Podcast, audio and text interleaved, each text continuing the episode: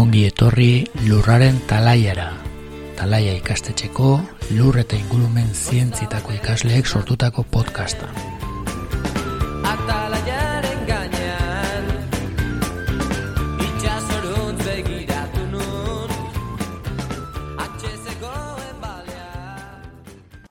Ongi etorri beste aste bat Talaiako zazpigarren kapituloko podcastera.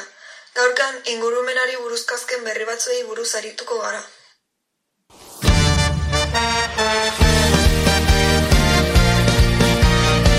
Azken berria.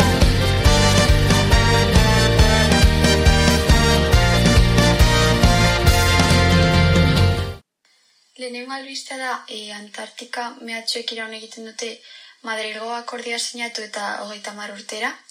Eta bueno, e, Madrilgo akordioa mutilaterismoaren lorpena lortu eta hogeita mar urtera Antartikako mehatze jarduei buruzko berrogeita mar urteko luzamendua ezarri zen, batez ere aldaketa globalaren eta arrantza jarduerak areagotzearen ondoriozko temperatura igoera, Eta Fernando Bayerdesek ikerketa zientifikoen kontseilu goreneko ikertzaileak esan zuen e, Antartika funtsezkoa dela biosferarako klimaren oszilazioak neutralizatzen dituelako eta atmosferaren naiz ozeanen prozesu fisikoak orekatzen dituelako. Madrilen egin ziren tratatu Antartikoko bitzaldiek lortu zuten bazkide guztiak ados jartzea mehatzaritzari buruz kontinente zurian, eta orduan klima aldaketa orain dela goita urte ezenain arazo larria, baina gaur egun egoera termikoak inpaktu nabarmenak ditu tokiko faunan, eta aldaketa orokoraz gain Antartikan agertu diren arrantza jarduera berriak e, oreka naturala ahultzen ari dira, tratatua errespetatzen ari da Madrilgo akordioa sinatu eta goita urtera, baina ez da nahikoa itxasingurunea zaintzeko, oraindik ez baitaude babestua ez da euren euneko amarra ere.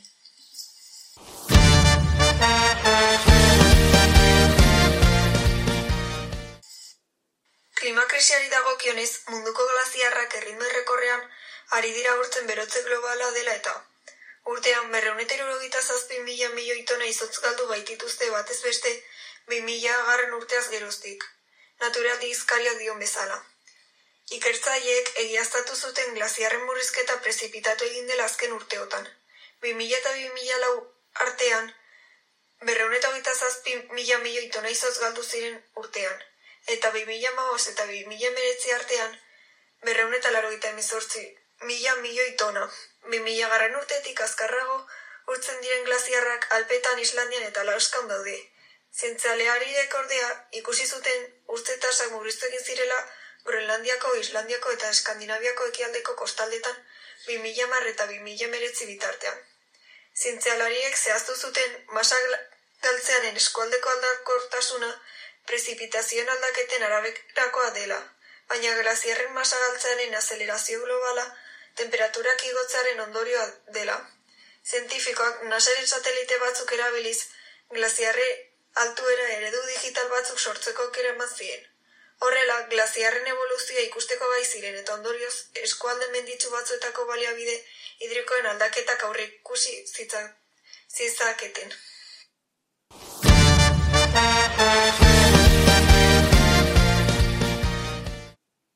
Aurkitutako azken albisteak hau dio. E, ozeanoek munduko birikarrola galdu dezakete urrengo urteetan ingurumenaren etxai bihurtzeko, barruan gehiagizko karbono dioksidoak bere holtze globala eragin dezakolako, hori dio UNESCOk, eta ikerketaren arabera orain, oraingoz e, agente kutsatzaile hori itxas e, ondoan metatuta eman du karbono dioksido atmosferikoaren indizea laurendamar ppm-etan atxikitzeko e, munduan ozeanoen ekarpenik gabe sereun ppm ordez, eta izan ere egoerari alderantzikatzeko e, arriskoa dagoelako dio zeoik. Karbonoa xurgatu ordez, ozeanoek karbono dioksidoaren bere otegi efektuak eragindako berotze, berotzea ekarriko lukete. Azterketaren beste helburu bada, ozeanoetako kutsadurarintzeko politikak garatzeko behar diren ezagutzak ematea erabakiak hartzeko ardura dutenei. Zeuiren lan taldeko adituek azkenik ozeanoetan karbono dioksidoaren presentziaren aurkako ekintza plan bat proposatu zuten txostenean. Plan hori, ozeanoetako karbono dioksidoaren jarraipenean eta neurketan Haren efektoi buruzko ezagutza handitzean eta kutsatzen ez duten energia iturri alternatiboak bilatzean oinarritzen da. Zer ikasi dugu? Kaixo, gaurko honetan ikasi ditugun gauzei buruz hitz egitera gatoz. Guk biosfera gaia landu dugu. Biosfera ezakiten ontzat, izaki bizidunek bere ingurumenarekin osatzen duten multzoa da.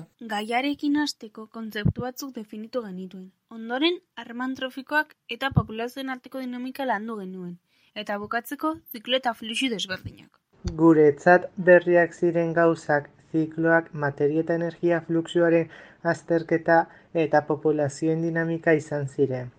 Populazioen dinamika hasiera batean, populazioen kide kopuruaren aldaketa neurtzeko populazio dentsitatearen indizea erabiltzen dela eta berezko hazkunde tasa nola kalkulatzen den ikasi genuen. Ondoren, azkunde tasaren arabera, la populazio mota berezi genituen.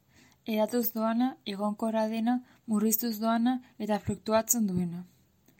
Gero, populazioaren tamaina mugatzen duten hilkortasun bi faktore mota ikusi genituen.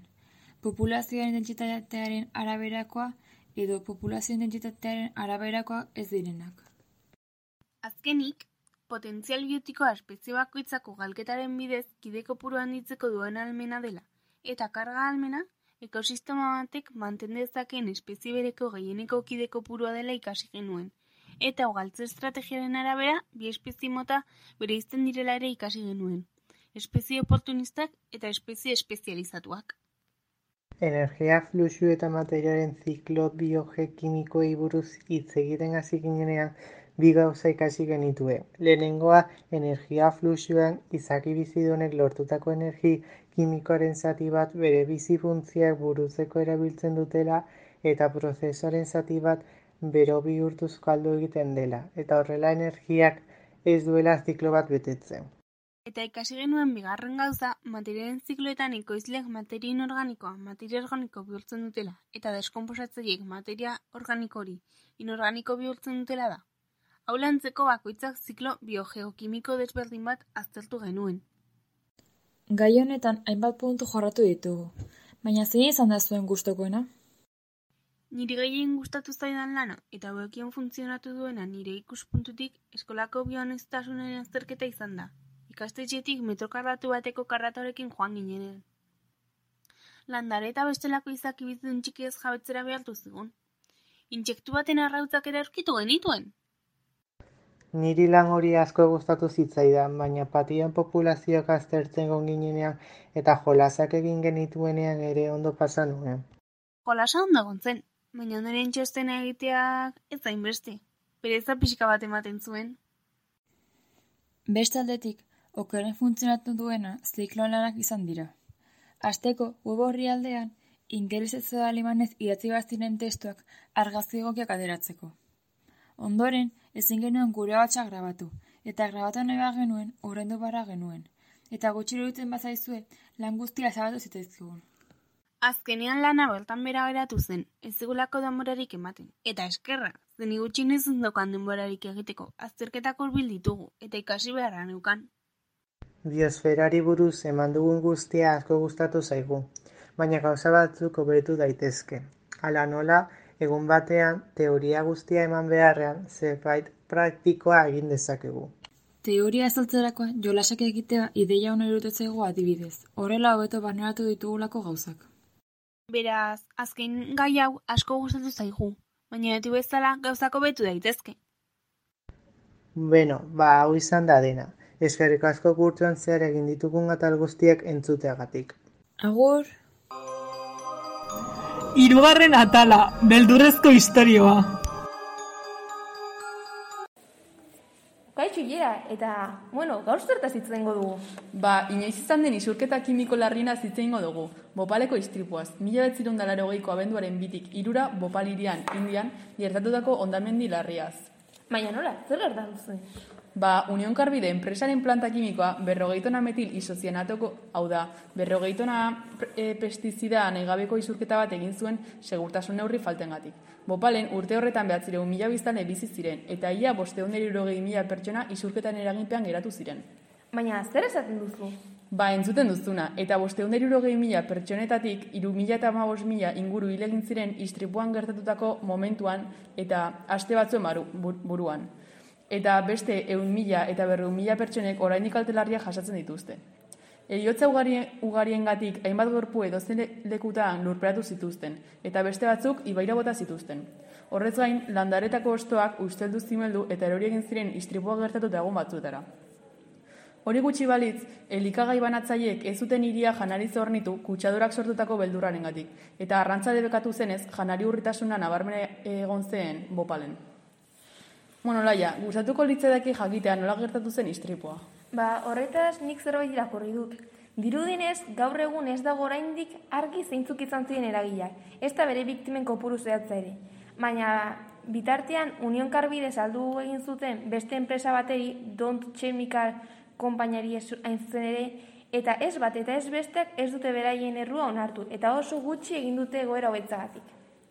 Baina dakiguna da, bopalen istripua batez ere segurtasun arauak ez beteatzeagatik eman zirela. E, adibidez, kasu, e, kasua nagusiak honako hauek e, direla esan dezakegu.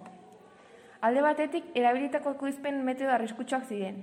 Beste aldetik, biltegir- biltegiretutako metil izozianato kopuru izugarri handia ziren. Horrez gain, planetaren kokapena oso populazio dintxitate handiko tokean zegoen. Gainera, segurtasun neurriak oso pobreak eta gutxi, gutxi zituzten. Langileen prestakuntza eskasa zen. Fabrikako mantendu falta zegoen eta maitzeko larrialdien aurkako plan eraginkorra baten falta zeukaten. Eta zin ondorio zituen istripunek, zer motako istru, e, isurketak egon ziren? Metilizozianatoaz gain beste gas batzuk kanporatu ziren, adibidez fosgenoa, hidrogeno zianuroa, karbono monoxidoa, nitrogeno oxidoa, monometilamina edo karbono dioksida. Gas hauek eragin handiak izan zituzten jendarengan. Gas guzti hauen dentsitatea aireena baina handiagoa zenez, gaza lurrasaldean metatu eta ondorioz jenditzea asko ere kaltet, e, kaltetuak izan ziren. Haiene, eta zer gertatu zitzaien bizirik atera ziren biztan lehi? Izugarria izan zen. E, ondamendi hortatik bizirik ateratzea lortu zutenek gaiz e, oso larriak dituzte gaur egun, ala nola bihirik eta fibrose, ikusnen galera, e, asma, sukarra, depresioa, e, edota deseroka neurologikoak. Izurketaren ondorioz, jaiotako milako ume garapen eta hezkuntza arazoa dituzte. Bukatzeko, gizarte, gizarte gisa bopalen egon ziren akatxetatik ikasi behar dugu. Etorkizuna berdina ez gertatzeko. Gainera, erokunde pu- publikoen ardura funtseskoa da lege arau e, egokia ge- garatzea. Horrela istripu izan ez gero, biztanleak, enpresak eta gintariak modo kontrolatu eta egokian erreakzionatu beharko genuke larrialdi plan egoki batekin kalteak burrizteko. Bueno, hau izan da dena, Mila esker entzuteagatik.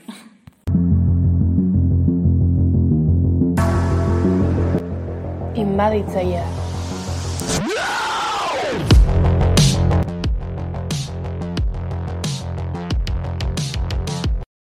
Kaixo, gu araitz Claudia eta Naiara gara, eta gaur Ibai Karramarro gorriari buruz hitz egingo dizugu. Ibai Karramarro gorria, edo Amerikar Ibai Karramarroa, Kanbaridae familiako Ibai Karramarroa da. Karramarro gorriaren sorburua Mexikoko golkoko kostalea da, estatu batuetako Mexikoko iparaletik, Florida eta Ohioko hegoaletik barrualera. Batzuetan, jatorritik kanpore sartu izan da, Asia, Afrika, Europa eta Amerikako kontinenteko beste herrialde batzuetan bezala. Espainian, Ibai Karramarro gorria nahita eskatzaren bidez sartu zen, erakundeen laguntzarekin beren populazioa komertzialki ustiatzeko esperientzia gisa. Ondoren, espeziaren sakabanatzen natural handiak eta arrantzalek beste urmasa batzuetan nahita sartzeak espezia Iberiar penintxula osoan sakabanatzea erraztu zuen. Ugalketari dagokionez, ugalketa sexualaren bidez ugaltzen da. Nola nahi ere, azken ikerketa batzuk diote partenogenesiaren bidez ugaltzen dela, ernaldu gabeko bulu batetik banako berriak sortzen direla, alegia. Azkuntzari dagokionez, espezia hau normalean e, ur ez oso hotzetan bizi da, adibidez, ibai moteletan, paduretan, putzoetan, arrozelaietan eta horrelako lekuetan, e, hala ere karramarro autoktonek baino resistentzia handiago dute, oksigeno maila baxuak, temperatura altuak eta uraren kutsadura handia jasanez. Gainera, haren ordeneko espezien artean, hau da ekosistema desberdinetara egokitzeko alben handiena daukana, eta gai da urgeldituetan azkar aztek- azteko. E, baita, zonadele horretan lau hilabetez baino gehiagoz bizitzeko ere. Azkuntza oso azkarra daukate, berrogeita mar gramo baino gehiago pixatzera irits daitezke eta 12 zentimetroko luzera har dezakete. Gainera, gai dira urgazietan egoteko, ez dena oso ohikoa ibaitako karamarroetan. Karamarro honen bataz besteko bizitxaropena posturtekoa izango litzateke. Elikadurari dagokionez, karramarro gorrien dieta barraskiletan, larbetan, zapaburuetan, bareetan eta zingiretako zizaretan oinarritzen da. Era berean, landaretaz ere elikatu daitezke. Hala ere, elikagai iturriak murritzak direnean, karramarro gorriek hildako animalien eta intsektuen arrastoak ere jan ditzakete. Itxurari dagokionez, karramarroaren izenak dioen bezala, gorriak dira. Abdomen luzea dute eta bertan bost apendize txiki pare. Baita falka formako zinta beltza ere. Zefalotoraxean arantza txiki asko dituzte, aurpegi zorrotza eta bi ante- antena filiforme. Bere gorputza bezain luzeak direnak. Hiru hanka pare ditu, atzeko lauak mugitzeko, eta aurreko biak, estu eta luzeak direnak, defentsarako eta elikadura lortzeko erabiltzen ditu. Lehenengo astetik eta bere azkundean zehar, haien oskola mudatzen dute. Eta momentu honetan oso ahulak dira haien harrapatzaientzat.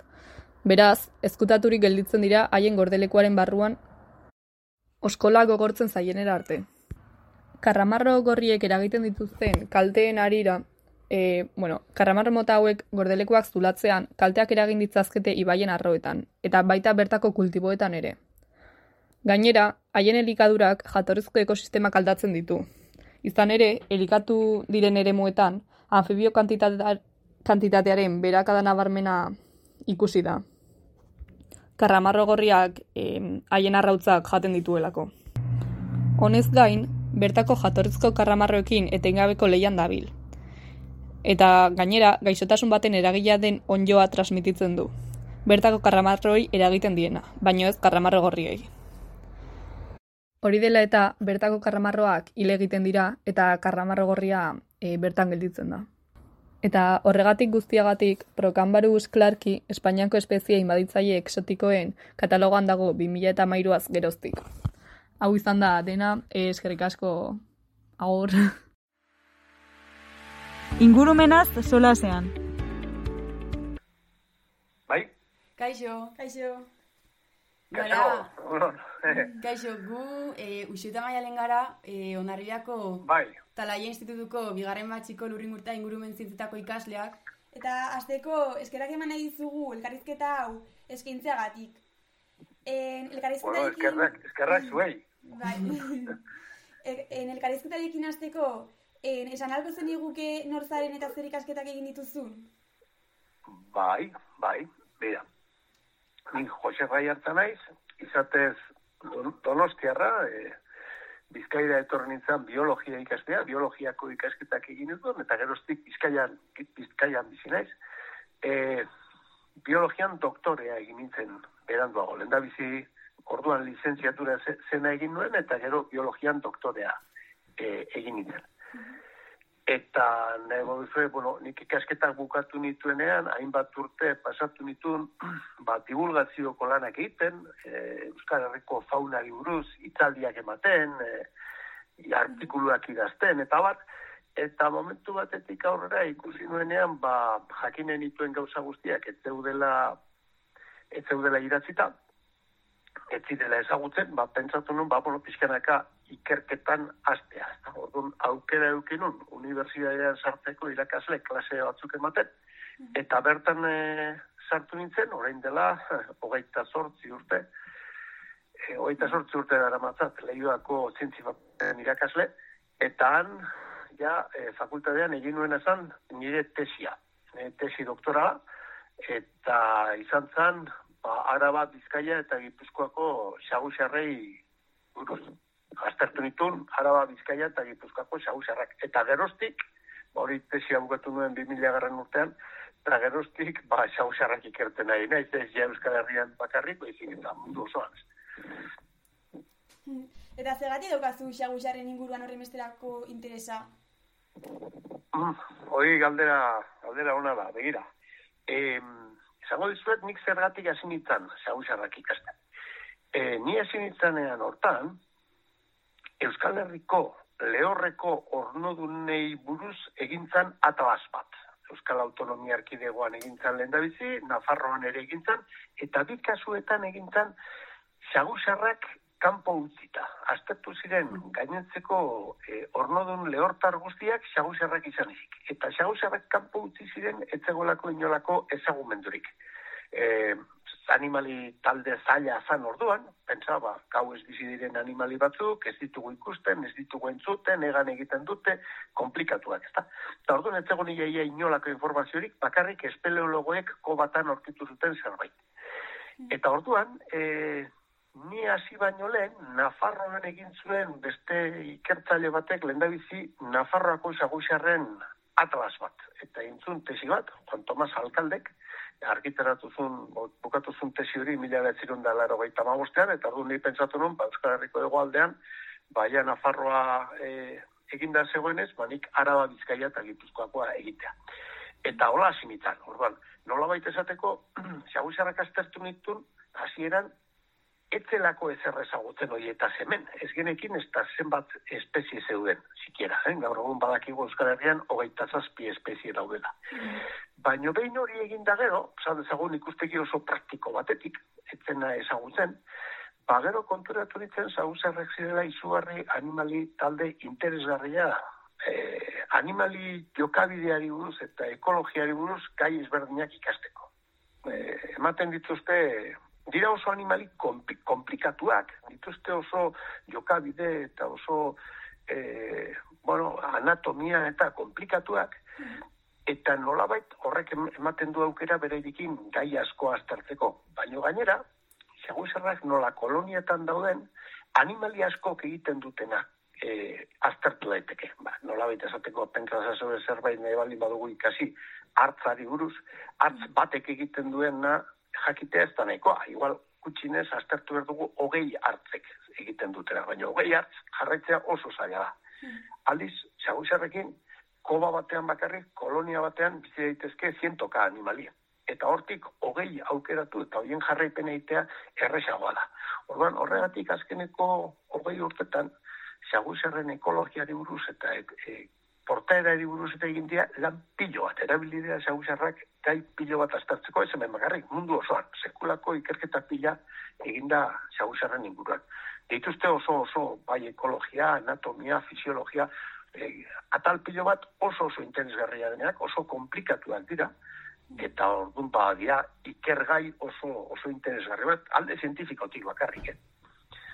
Hasi nintzen, nolabait, alde praktiko batetik, baino gero nolabait harrapatu nindun e, beraien alde zientifikoak, ez interes zientifikoak.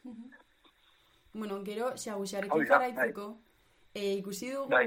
e, batzuetan, xaguxaren ozken ondorioz, jendea izan dela. Hori dela eta e, uste duzu zure lana arriskutsua dela? Bueno, eh, baditu arrisku batzuk, baditu arrisku batzuk, baina gauza bat esango dizuet, animaliekin lan egiten duen edo zeinek, eta mendian lan egiten duen edo zeinek, baditu arrisku batzuk. Printzipioz, bueno, ni biltzen naiz, eh, ez edo Euskal Herrian edo, edo Europan, baino baita ere tropikoan eta beste balikutan. Eta orduan, beti horrelako animaliekin, animali basatiekin lan egiten duzunean, ba, animaliek badituzte guk ez ditugun gaixotasunak, guk ez ditugun oinikoak, virusak eta bar, eta orduan beti ibili berda kontuz, baina ez agusiarrekin bakarrik, eh? Zate dizuet, karniburoekin, karniburoen ozkada, karrizkutzuak dira, e, bueno, herbiboroak ere ba edukitzen dituzte hainbat gaitz guri pasatzekoak. Orduan, albaitari ekondo dakite animaliekin lan egitean kontu zibili berdala eta biologoik ere bai. Eta gero, ba, mendiko biologiak badu zerbait berezia, eta da, ba, segun ze esparrotan lan egiten duzun, badituzu arrisku fisiko batzuk baitare. Ba, itxasuan lan egiten duten biologoek, ba, urazpian sartu behar dute, ekaitzetan ibili behar dute, eta barre, eta horrek bere arriskua ditu. Nik, ba, batetan, bako batzulotan sartu behar dute, edo sokak erabili behar ditu zuaitzetara igotzeko eta geisteko, zuaitzet, edo mendietan ibiltzeko, eta bar, horrek beste arrisku batzu ditu, Baina gauza beran ikusten dut gertatzen dela, mendiko biologian, ba, atal gehienetan, ez da. Beti badago, mendian ibiltzearekin lotu da arrisku bat, eta gero badago ba, animaliekin ibiltzeagatik, ba, beste arrisku bat. Baina, bueno, askotan uste dut arrisku handiena, beti izaten dudala kotxea hartzen dudanean. Bai, bai. Bueno, ba, eh, badakigu ere bai zure lana dela eta bidaiak oso ohikoak direla. Eta eh, zaila Bai. da lan hau bizita pertsonalarekin tartekatzea. Bueno, badaukat, badaukat sorte izugarria, eta da, etxean e, badakite ondo zenbat eraino maite dudan nire lana, eta orduan esan ezagun pazientzia ondia dutela nirekin, baino, baino egitea da, egitea da, askotan uste ditu dala etxekoak bakarrik. Egitea da baita ere, e, ba, e, ba, nire bai seme alarekin umeak zirenetik, eta ere bai nire emazterekin nire bidai asko egin ditu dala, hau da, konpartitu egin ditugula e, bidai asko sarritan nire lanagatik sortzen zirenak, ez? Eta orduan, ba, bueno, hainbatetan, ba, munduko leku ezberdinetara nirekin etorri dira, ni lanera, beraiek, ba, pixka bat lekua ezagutzea eta bar, eta orduan, ba, bueno, konpaginatu egin dugu, baino hori da beste, beste, eurei ere natura asko gustatzen zailako, ez dela, dude gabe, ba, aspaldi bidaliko nituten antzarrak perratzera, ez? Beraz, eh, esan daiteke eh, denbora eta esfortzu asko eskatzen duen lana dela, ezta? Bai, bai, bai. Askotan, nik, mira, nik ikasle asko ditut, ba, biologia ikasten ari direnak, ezta? Eta horietako askok pentsatzen dute nahi dutela lan egin e, mendian eta eta ugaltzunekin. Eta nik askotan esaten diet, bueno, ez da horren erresa, ze gauza bada mendia gustatzea, eta beste gauza bada mm, mendian lana ikerketa egin behar duzunean, ba, egun eta gau asko mendian pasa behar izatea bakarrik datuak hartzen. Eta gehienetan, ugaztunekin lan iten danean, animalierik ikusi gabe. Txoriekin lan iten dutenak, ba, txoriak ikusten dituzte.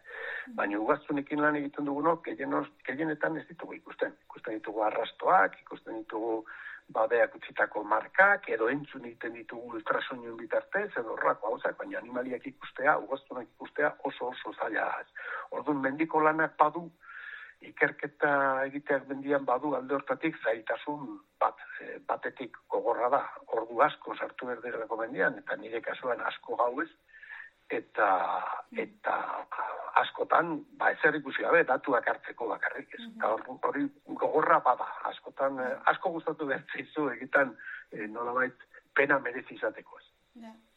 E, gaur egun kezka handi bat sortzen duen gaiarekin sartzeko, e, ziurra da COVID-19 xagusaretik datorrela esatea. Eta beraz, gaur egun e, ikusi da xagusaren inguruan egindako ikerketek ustezena baino garrantzi handiagoa e, zutela. Bai. E, begira, hasiko naiz e, bukaerakotik, ez da? Guk orentela urte asko egin dugu lan, egiten ditugu, guk aztertzen ditugu gauza asko zagusarek. Baino, aspalditik duela amabost urte gutxienez, e, kolaboratu dugu virologoekin xausarren virusak aztertzeko. Eta hori egiten genunean, e, bueno, ba, ba askotan jendeak esan zuen, bueno, hori eta zeharraiotarako egiten duzue, hori horrek zertarako balio du. Guk egin dugun lanarekin jendeak denbora luzean esan du, eta horrek zertarako balio du. Orain bat ikusten dugu zertarako balio du. Ez gauzak balio dute ezagutzen balin badituzu. Edo topatu dezakegu gauza batek zertarako balio duen behin ezagututa gero. Ezagutzen ez duzunak ez du ezertarako balio. Alde hortatik nik beti defendatzen dut iker, ikerketa egitea ez bakarrik balio duten gauzetarako, baizik eta ikerketa egin behar da berez ezagutzeko gauzak. Eta gero ikusiko dugu horiek zertarako balio dute.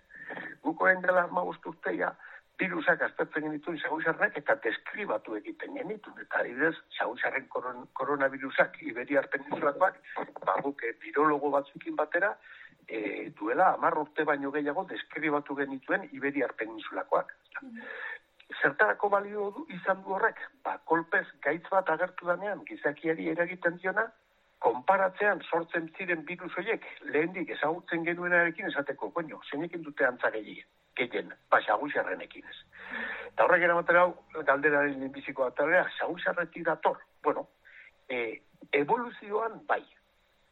Esan dezagun, ezagutzen ditugun virus urbilenak, covid ez direnak, xagusarretan daudela. Baina gure katarrotako virus batzuren urbilenak ere sagusarretan daude. Eta beste batzuk, beste katarro batzutakoak, edo beste sukar batzutakoak, hauntzetan, edo beste animalitan. Dana etorri da non baitetik. Eta gu ditugun gaitz asko, evoluzioan animalietatik sortu dira. Oen, COVID-19 zuzenean sagusarretik etorri da, badakigunez, dakigunez, ez. Eta, eta horren horren froga da, ez dala inoiz COVID-19 sagusarretan aurkitu. Aurkitu da, antzeko gauza bat. Orduan, gure kezka da, ze animalitan gertatu da, sortu da COVID-19 hori.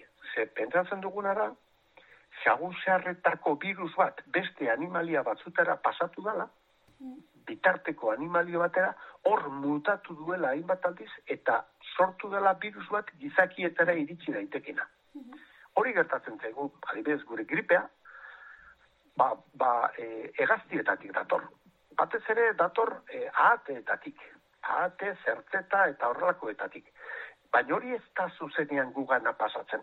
Dirudienez, hori lehen da bizi txerrietara pasada hainbat aldiz, o txerria bezalako animalietara, txerriak mutatu du, hortik bihurtu da virus bat gizakiara pasatu daitekena. Ez gu ditugun gripe gehienak bide hori egin dute.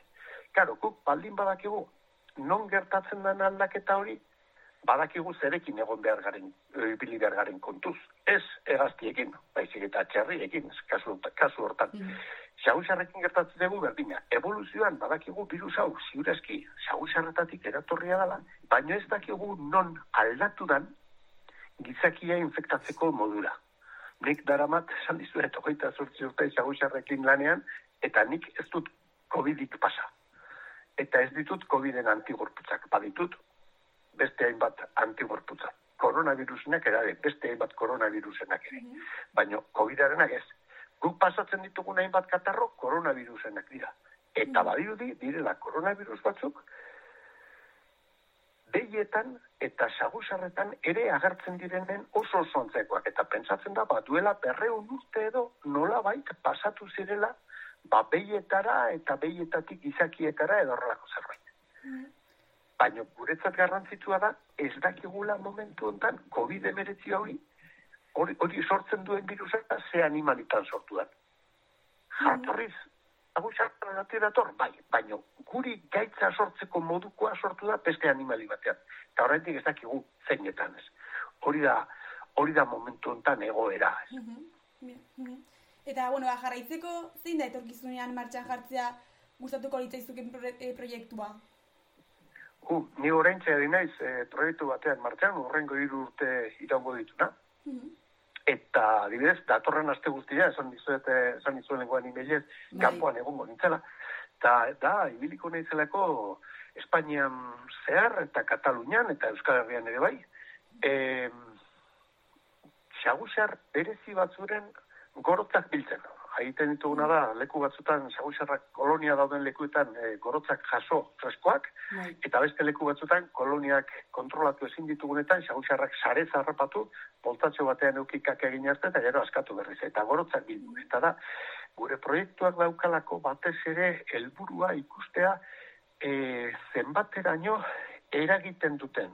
Sagusarrek, gure nekazaritzan eta baso gintzan kalte egiten duten izurrite intsektuetan. Mm -hmm. badira makina bat intsektu izurriak direnak, ba, demagun, baditez, ba, ez dakit, e, e, harto, harto e, esplotazioetan, edo maastitan, mm edo kotoia lantzen dugunean, edo pinu beldarrak adidez, pinuak kaltetzen ditu, ezta?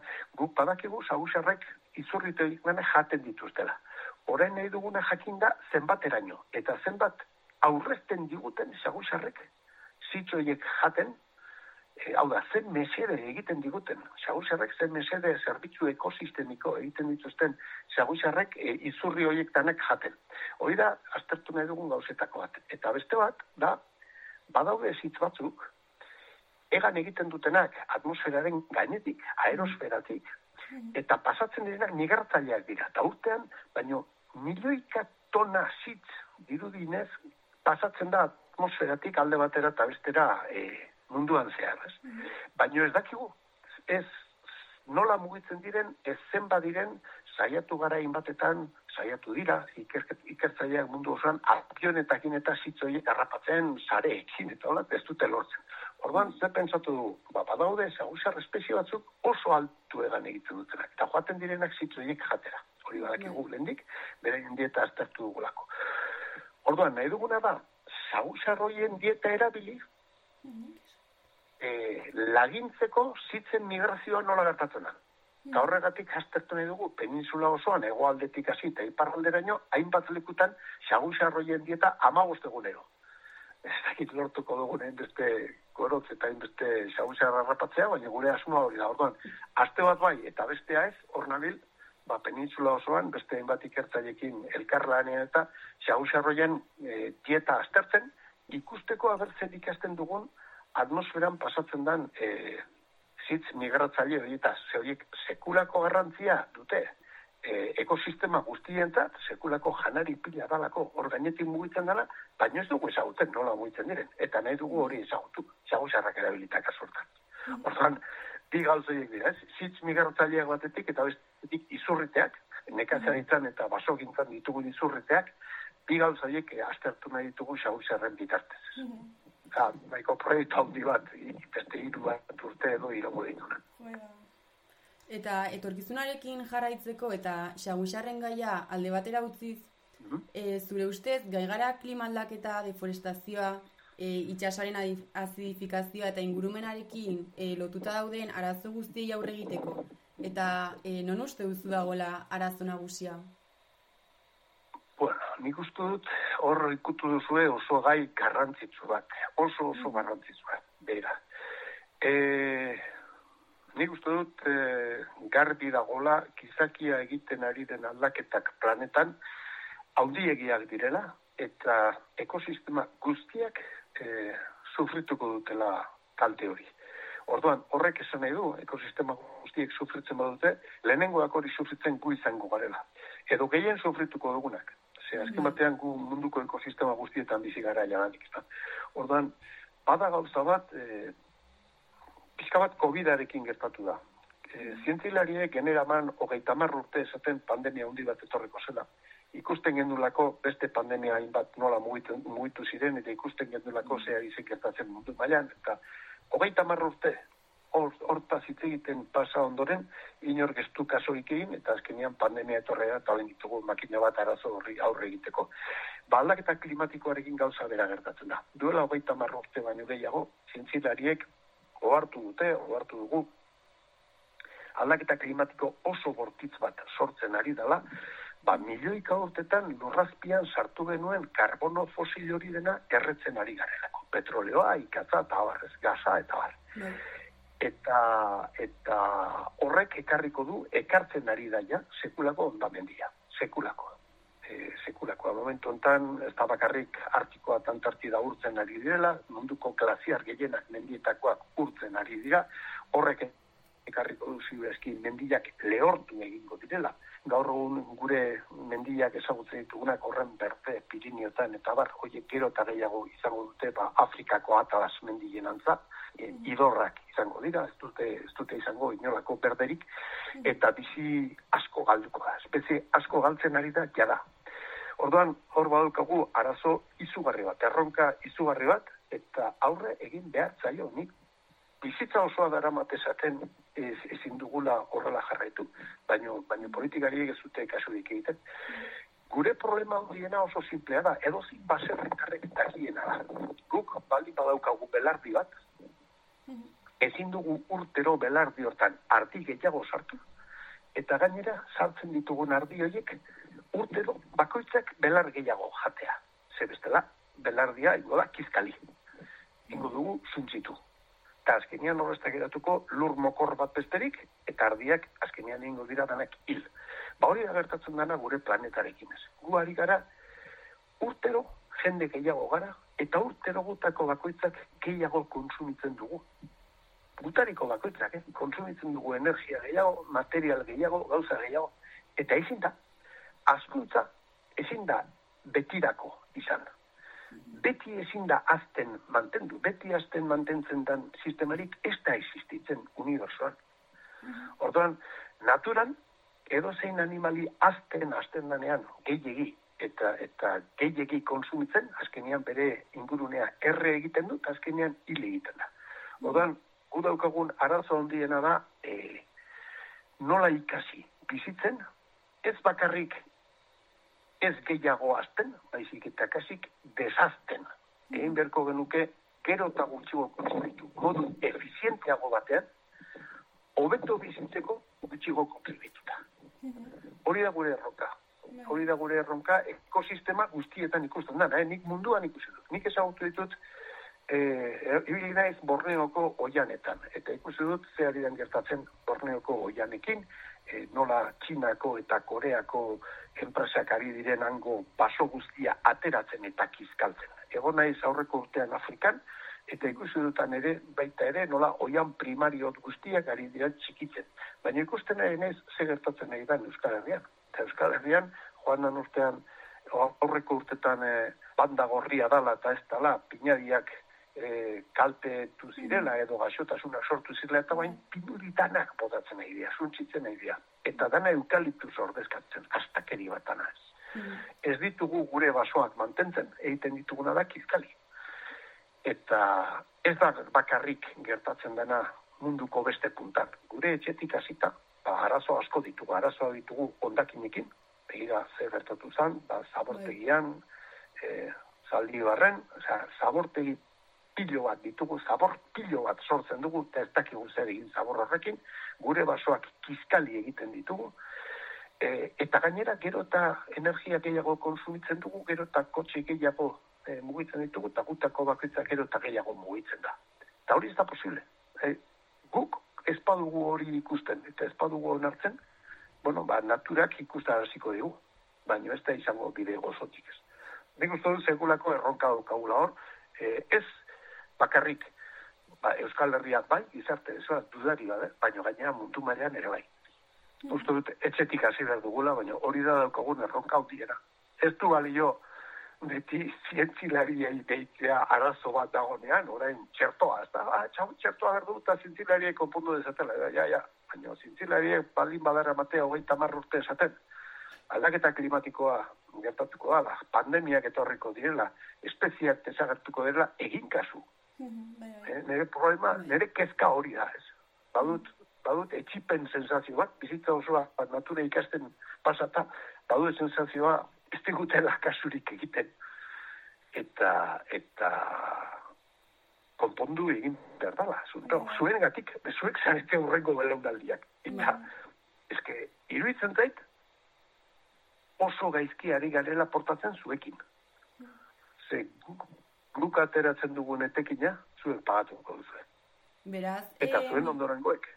Esan daiteke e, arazoa sistema kapitalistak bultzatzen duen kontsumoan dagola? nik e, garbi daukat ala da ba. Nik gainera uste dut, bada, bada gauza bat sistema kapitalistaren berezkoa dana. E, berezkoa, iritzi politikoak alde batera utzita. Sistema kapitalistak behar du hazi, beti. Urtetik urtera azten ez bada krisia dago. Bai. Hori da sistema kapitalismoetaren ezaugarreko bat. Azkuntzarik ez badago krisia. Ba, naturan, etekabeko azkuntza izin eskoa da. Uh hori da ah, ekologiaren oinarri bat. Etengabeko azkuntza ezinezkoa da. Beraz, sistema kapitalistak hortxe du eh, akatsa. Bai, bai, bai. Nik ala, ala ikusten dut. Bai. Nik ala ikusten dut. Bai, bai. Bai, bueno, ba. Eta elkarrizketarekin bukatzeko, gure entzurak eta gu, garen batxiko ikasla garen ez, e, nola salduko zenuke zure lanbidea etorkizun batean xagusar logo izatera iristeko?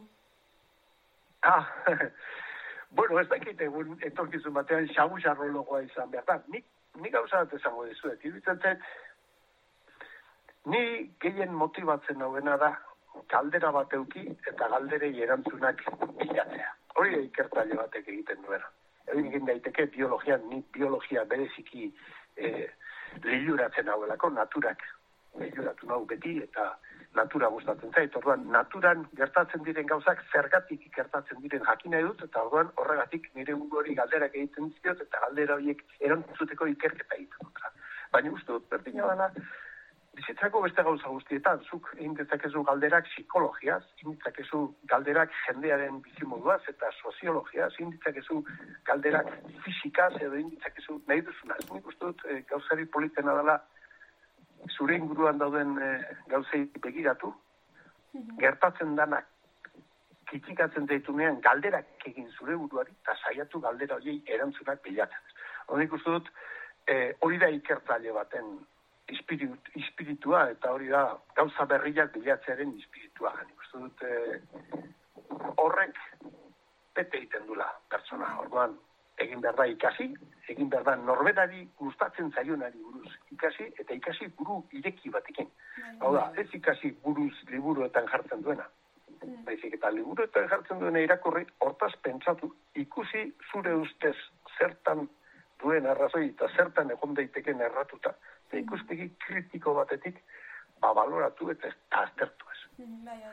Ni ustez, ni, ni horrek betetzen hau, horrek beten hau, zitza osoan. Bueno, ba, e, gure, gure aldetik bukatu dugu eta eskerrik asko elkarrezketa hau eskaintzagatik.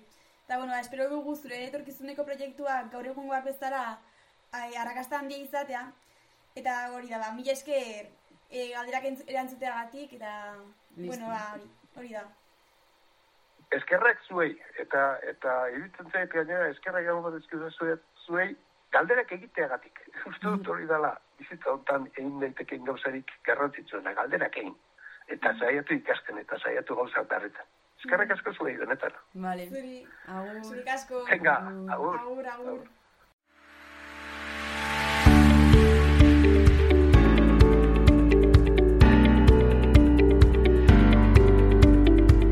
Zigarren atala, ikusi eta ikasi.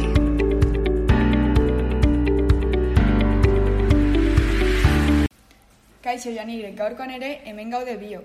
Ba bai, jarene, eta zoritxarrez, azkeneko aldia izango da. Egia da Janire, ez nintzen horta zeroitzen. Azkenekoa bai, baina interesgarriena ere bai. Konta iezaiezu entzulei zerrekin gatozen gaur. The Battle of Chernobyl dokumental zoragarria komentatzera gatoz. Dokumentalak dion bezala, Txernobilen gertatutako bataiataz aritoko gara gaurkoan izketan. Mila bat hogeita zortziko apirilaren hogeita, bai, hogeita seiko goizealdian, Txernobilen energia nuklearreko instalazio laugarren erreaktoreak mila metroko altura izan zuen leherketa bat jasan zuen. Proba batzuk egiten zaudela. Milaka Ukraniarrek inoiz aztuko ez duten leherketa madarikatuari. Beno, Ukraniarrek soilik ez, Bielorrusuek eta Rusuek ere. Beno ez, mundu, as, mundu osoak inoiz aztuko ez duen leherketa hori, hori bai. Zortzi jabetez, zortzireun mila soldadu, mehatzari, zuhiltzaile eta zibil Sovietar batasuneko eskualde guztietatek zetozen. Atxedenik gabe lan egiteko. Erreaktibitatearen ondorioak aritzeko, gu salbatzeko, mundua salbatzeko. Hasiera batean, zute bat zela esan zuten arren, ondoren, bigarren leherketa baten beldur geratu ziren. Zutearin batetik leherketa batera... Eta honen ondoriak Hiroshimako bombardeaketarenak bainon asko handiagoak izan zitezken. Europa erdiarekin akabo egingo zuena. Eta hori gutxi balitz, ez ziren konturatu leherketa ondoren erreaktoretik erradiazioa ateratzen jarraitzen zegoela. Hau da, erradiazioa atmosferan zehar zabaltzen jarraitzen zuela. Txernobilgo lerketa euri erreaktiboa eragin zuen Sovietar batasuan, Eskualdeko Europan, Eskandinavian, Inglaterran eta baita estatu batuetako ekialdean ere. Ukrania, Bielorrusia eta egungo Errusia oso kutsatuak izan ziren. Berro mila pertsonek etxetik alde egin behar izan zuten. Eta hauts erradaktibaren euneko irurogeia Bielorrusiako lurraldetan finkatu zelarik. Burua kokatzeko, Txernobil Minsketik urbilago dago, Kiefetik baino. Bertan, larogeita garren urtean bizi zuten testigantzak ageri dira. Haien esperientzia eta bizipenak aipatzen, baita espezializatuak ere. Lekukoak Sovietar gobernuarekiko mesfidantza pizten dute. Argi dago Errusiarrek informazioa tapatu nahi zutela. Eta hala egin zuten Suediako ikerketa batek harrapotu zituen arte. Nahiago izan zuten haiek konpondu eta ezer esan gabe aurrera jarraitza. Hala dirudi bai, bestalde erreaktiboaren datuak gaizki daudela argi dago, eta lekuek bizitzako egoerak argi erakusten dute. Ordu asko egon ziren erreaktibitatearekin kontaktuan azkenak azkenik hain erreaktibitate gutxi jasateko. Egia da, gezur asko jardutan dutela is- istriparen inguruan, baina lekukoen lekukoen e, azaltzeko era, egoera bertan sartzen zaituzte. Ez da inorrobeto azalduko duenik bertan egon dena baino. Bestalde, argi geratzen da zein nolako desberdintasun dagoen langile eta boteradunen artean.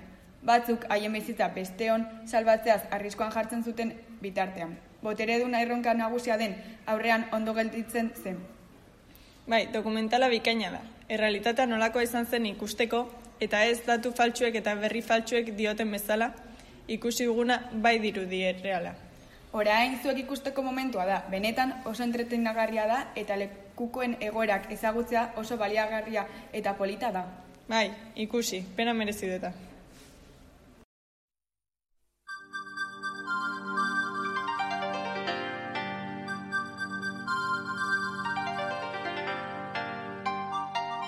Krisi hitzak aukera esan nahi du txinatarrez.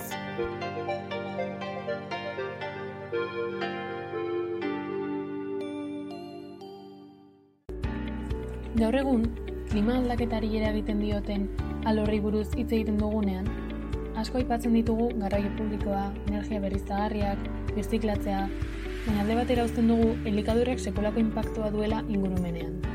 De lantzeten argiteratutako Alimentos Planeta y Salud izeneko ikerketaren arabera, elikagaiak ikusteko sistemek berotegi efektuaren euneko goita bost eta goita marra inguru eragiten dutela adirazten da.